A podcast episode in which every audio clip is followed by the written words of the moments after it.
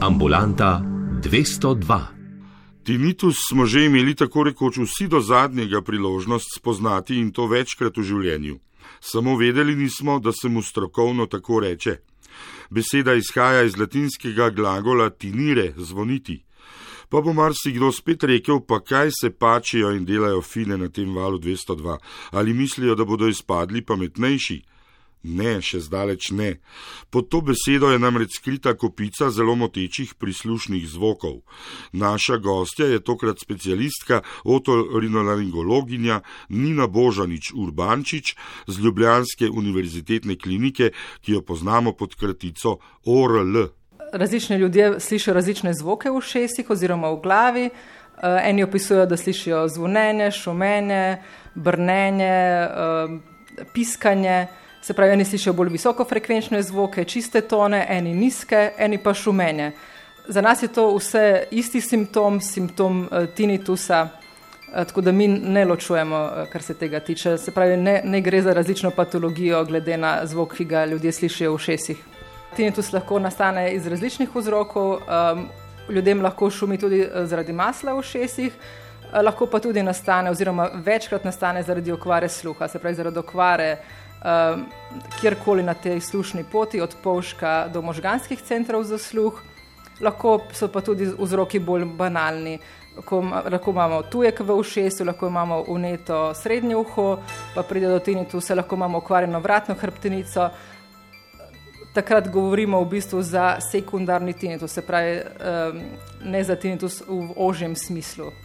Kako resno pa ga vi zdravniki jemljete od teatrija recimo? uh, se nam mi zdi, da navadni ljudje kar tako malo po strani jemljemo te zadeve, vse bo minilo. Uh, ja, uh, tinnitus ima veliko ljudi, se pravi, študije pravijo, da do 15 do 30 odstotkov splošne populacije ima tinnitus.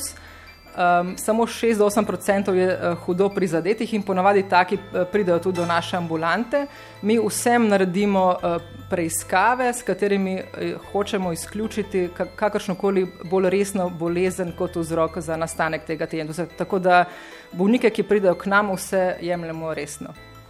Zdaj, kaj pa je s tistim, uh, bom rekel, s tisto obliko, ko, človek, uh, sam, ko se človeku samo dozdeva, da mu pač nekaj v glavi šumi, govori, piska. Eh, pa v bistvu tega ni. Kako vi to obravnavate?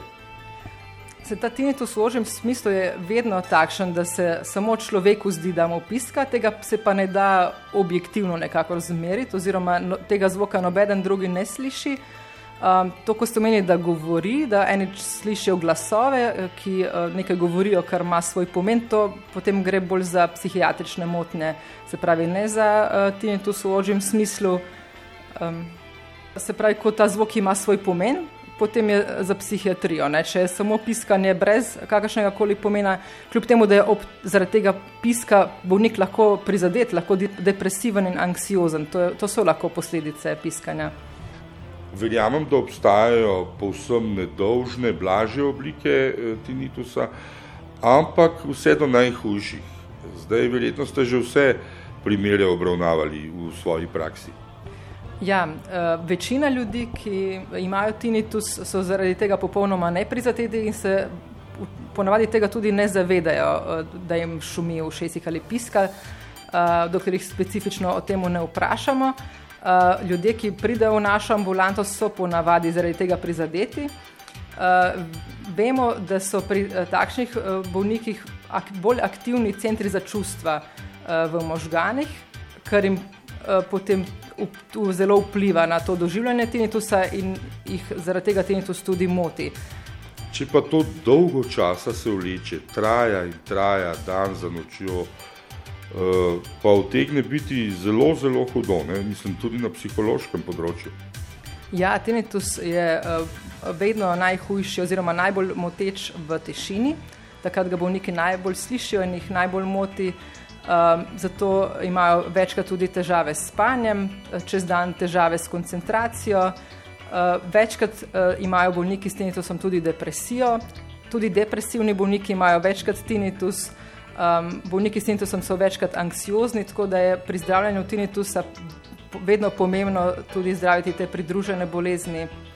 je pa najhujše, kar se lahko zgodi, da, ne, da bolnik naredi kaj, vem, samo, samomor, da pride do samomora zaradi uh, moten, ki jih povzroča tinitus. Ta obupano življenje, pravzaprav. Ja.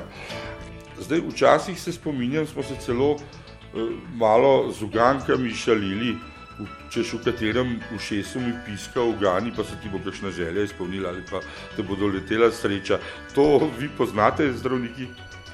Ja, v bistvu osebno ne poznam tega, pa, se pa to vsem dogaja. Se pravi, to je čist normalen pojav, eh, popolnoma normalen pojav, da, da vam kdaj pa kdaj zapiska za kakšno sekundo v ušesih. Se pravi, zaradi tega ni treba eh, obiskati zdravnika. Ravno to sem hotel reči. Rekli ste, da hujših primerov ni več kot tam 8 odstotkov, ampak to je še vedno v majhni Sloveniji 160 tisoč ljudi, da ne bodo zdaj vsi uh, pohiteli k vam zvoniti. Uh, ste imeli kakšne primere, da tudi zaradi malenkosti ste morali ukrepati in malo potolažite tiste, ki jim včasih zazvoni, recimo. No? Ja, v bistvu se to večkrat dogaja. Imeli smo tudi primere, ko so pacijenti um, zaradi nespečnosti se sprehajali okrog naše klinike po noči pa so še k nam potrkali na vrata zaradi tinitusa, tudi brez napotnice, ker so s tem imeli že deset let težave.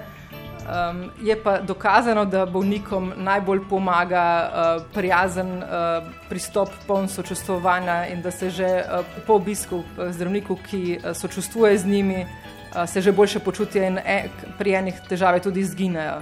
Bom lajično vprašal, ampak Je možno, da ti zaradi hipertenzije, visokega krvnega pritiska, zašumi v glavi tudi vredno? Ja, možno je možno tudi zaradi težav s ščitnico, zaradi višenega holesterola. Krvne žile, ki prehranjujejo notranje uho, so zelo tanke, nimajo uh, nobenih kolateral, se pravi, nobenih krvnih žil v bližini, ki bi prevzele uh, nalogo, če bi se krvna žila za, uho, za notranje uho zamašila. Uh, tako da vse bolezni, ki vplivajo na pre, na prekrvavitev, na, eh, ki vpliva na eh, krvne žile, vpliva tudi na sluh in na pojav tinitusa. Po domače bi torej lahko rekli, da je tinitus kar priročno diagnostično sredstvo. Zanimivo je, da si tudi pacijenti z najhujšimi oblikami predstavljajo, da bodo dobili kako tabletko, da sploh ne omenjam modernih čudodelnih antibiotikov. Naša gostja Nina Božanič Urbančič poudarja predvsem drugačne načine zdravljenja te moteče neušečnosti. Ja, v bistvu vsi pacijenti pričakujejo, da, bomo, eh, da jim bomo dali na recept kakšno čudežno zdravilo in da bo po desetih eh, dneh jemanja tinnitus eh, izvenel. Žal temu ni tako. Dokazano je s študijami, da zdravila niso učinkovita, se pravi, nobena tableta ni dokazano učinkovita. Je pa res, da so primeri Eh, pri katerih pomagajo tablete, je pa to zaradi placeba najverjetneje. Se pravi, ni trdnih dokazov, da so tablete učinkovite, katerekoli, eh, se pa da pomagati pri tinitusu. Problem je v tem, da pacijenti vse morajo narediti sami, se pravi, morajo delati na sebi, morajo, si, eh, morajo se sami potruditi, da najdejo zvoke, ki jim ustrezajo, da premaskirajo tinitus, da se sprostijo. Uh, se pravi, ta sistem za čustva v, v možganih, ki je hiperaktiven pri bolnikih s tinitusom, moramo pomiriti, se pravi, morajo delati na relaksaciji. Ja, sliši se kar preprosto, ampak sem se tule takoj opekel tudi sam, ko sem po nekakšni svoji logiki predvideval, da bi morda mirovanje in tišina še posebej blagodejno delovala pri tinitisu. Nasprotno je res. Ja, tišina eh, škoduje, se pravi, tišina, eh, tišina, hrup pa stres, to so tri dejavniki, ki eh, slabo delujejo na, na tinnitus. Tudi v gluhi sobi, recimo, če zaprete um, zdrave, normalno slišeče ljudi, bo 95% v desetih minutah začelo piskati. Se pravi, piskanje, šumenje, tinnitus je odgovor možganov na tišino. Zato, ker ni signala um, zaradi okvare nekje na tej slušni poti od polška proti možganom. Tole ste me malo presenetili, sem mislil, da tišina blagodejno deluje. Ne, ne, pač... obratno, čisto obratno. Tam v tišini jim še bolj piska. To je tudi tisti, ko se samo še ura sliši tik, tak, tik tak, to ni najbolj. To je boljše kot popolna tišina. Ja, ja. Samo da nekaj. In zdaj še k vprašanju o novem priklopljenem načinu življenja, ki ga prakticirajo predvsem mladi. Morda tudi ostali zdaj pred mrzlimi dnevi vse večkrat zaščitimo ušesa pred mrazom, ampak kakšno vlogo pa imajo pred temi že tako hrupnimi dnevi, ki prihajajo, slušalke v ušesih? Ni v bistvu dokazal, da mrzlo zrak eh, lahko direktno pripele do kakšnega unetja, vemo pa, da imunski sistem slabše dela eh, na nižjih temperaturah. Tako da recimo, če smo izpostavljeni kakšnem virusu, če smo podhlajeni, bo imunski sistem uh, slabše, bo manj učinkovit. Kaj pa tiste posebne, posebne vrste naušniki, namreč te moderne slušalke, ki pridejo točno noter v uho, ne v zunanje uho? Uh, Eh, starši nekateri se zelo bojijo, eh, kako bo z mladino, vse čas na slušalkah. Ja, zdaj te modernejše naprave imajo vse opozorila, ko se gre čez tisto uh, raven um, oziroma čez tisto glasnost, ki je uh, še nekakor dovoljena, glede na možne trajne posledice. Uh, se pravi, če se posluša na enem normal, na normalnem nivoju, ni strahu, da bo prišlo do trajnih posledic. Ampak si predstavljate, kako močno užge en kitarski rif, ko ti kar malo zavibrira lobanja. To ni prav lahko se odreči. Ja, to pa je potem nevarno. Ja. Če lobanja zavibrira, je pa nevarno tudi, um, za, da pride do, poška, do okvare sluha zaradi tega. Zaradi vse večje prisotnosti te moderne tehnologije in uh, dostopnosti recimo glasbe v žepu, ne, Eh, pa ni kakšne raziskave, ki bi potrjevala, da bo sluh šel rakom žvižgati. Um, je, mislim, se ve, da so novejše generacije, da ima, da ima veliko mladostnikov, da ima okvaro sluha ja, zaradi poslušanja glasbe. To se ve, so raziskave. So bolj izpostavljeni ja, kot nekdanje ja, generacije. Ja, ja, so, so.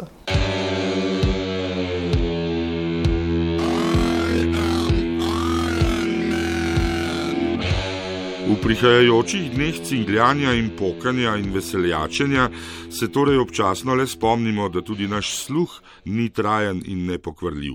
Narobe bo ravno prav, pretirani slušni užitki in pravzaprav vsak pok je za naš sluh šok.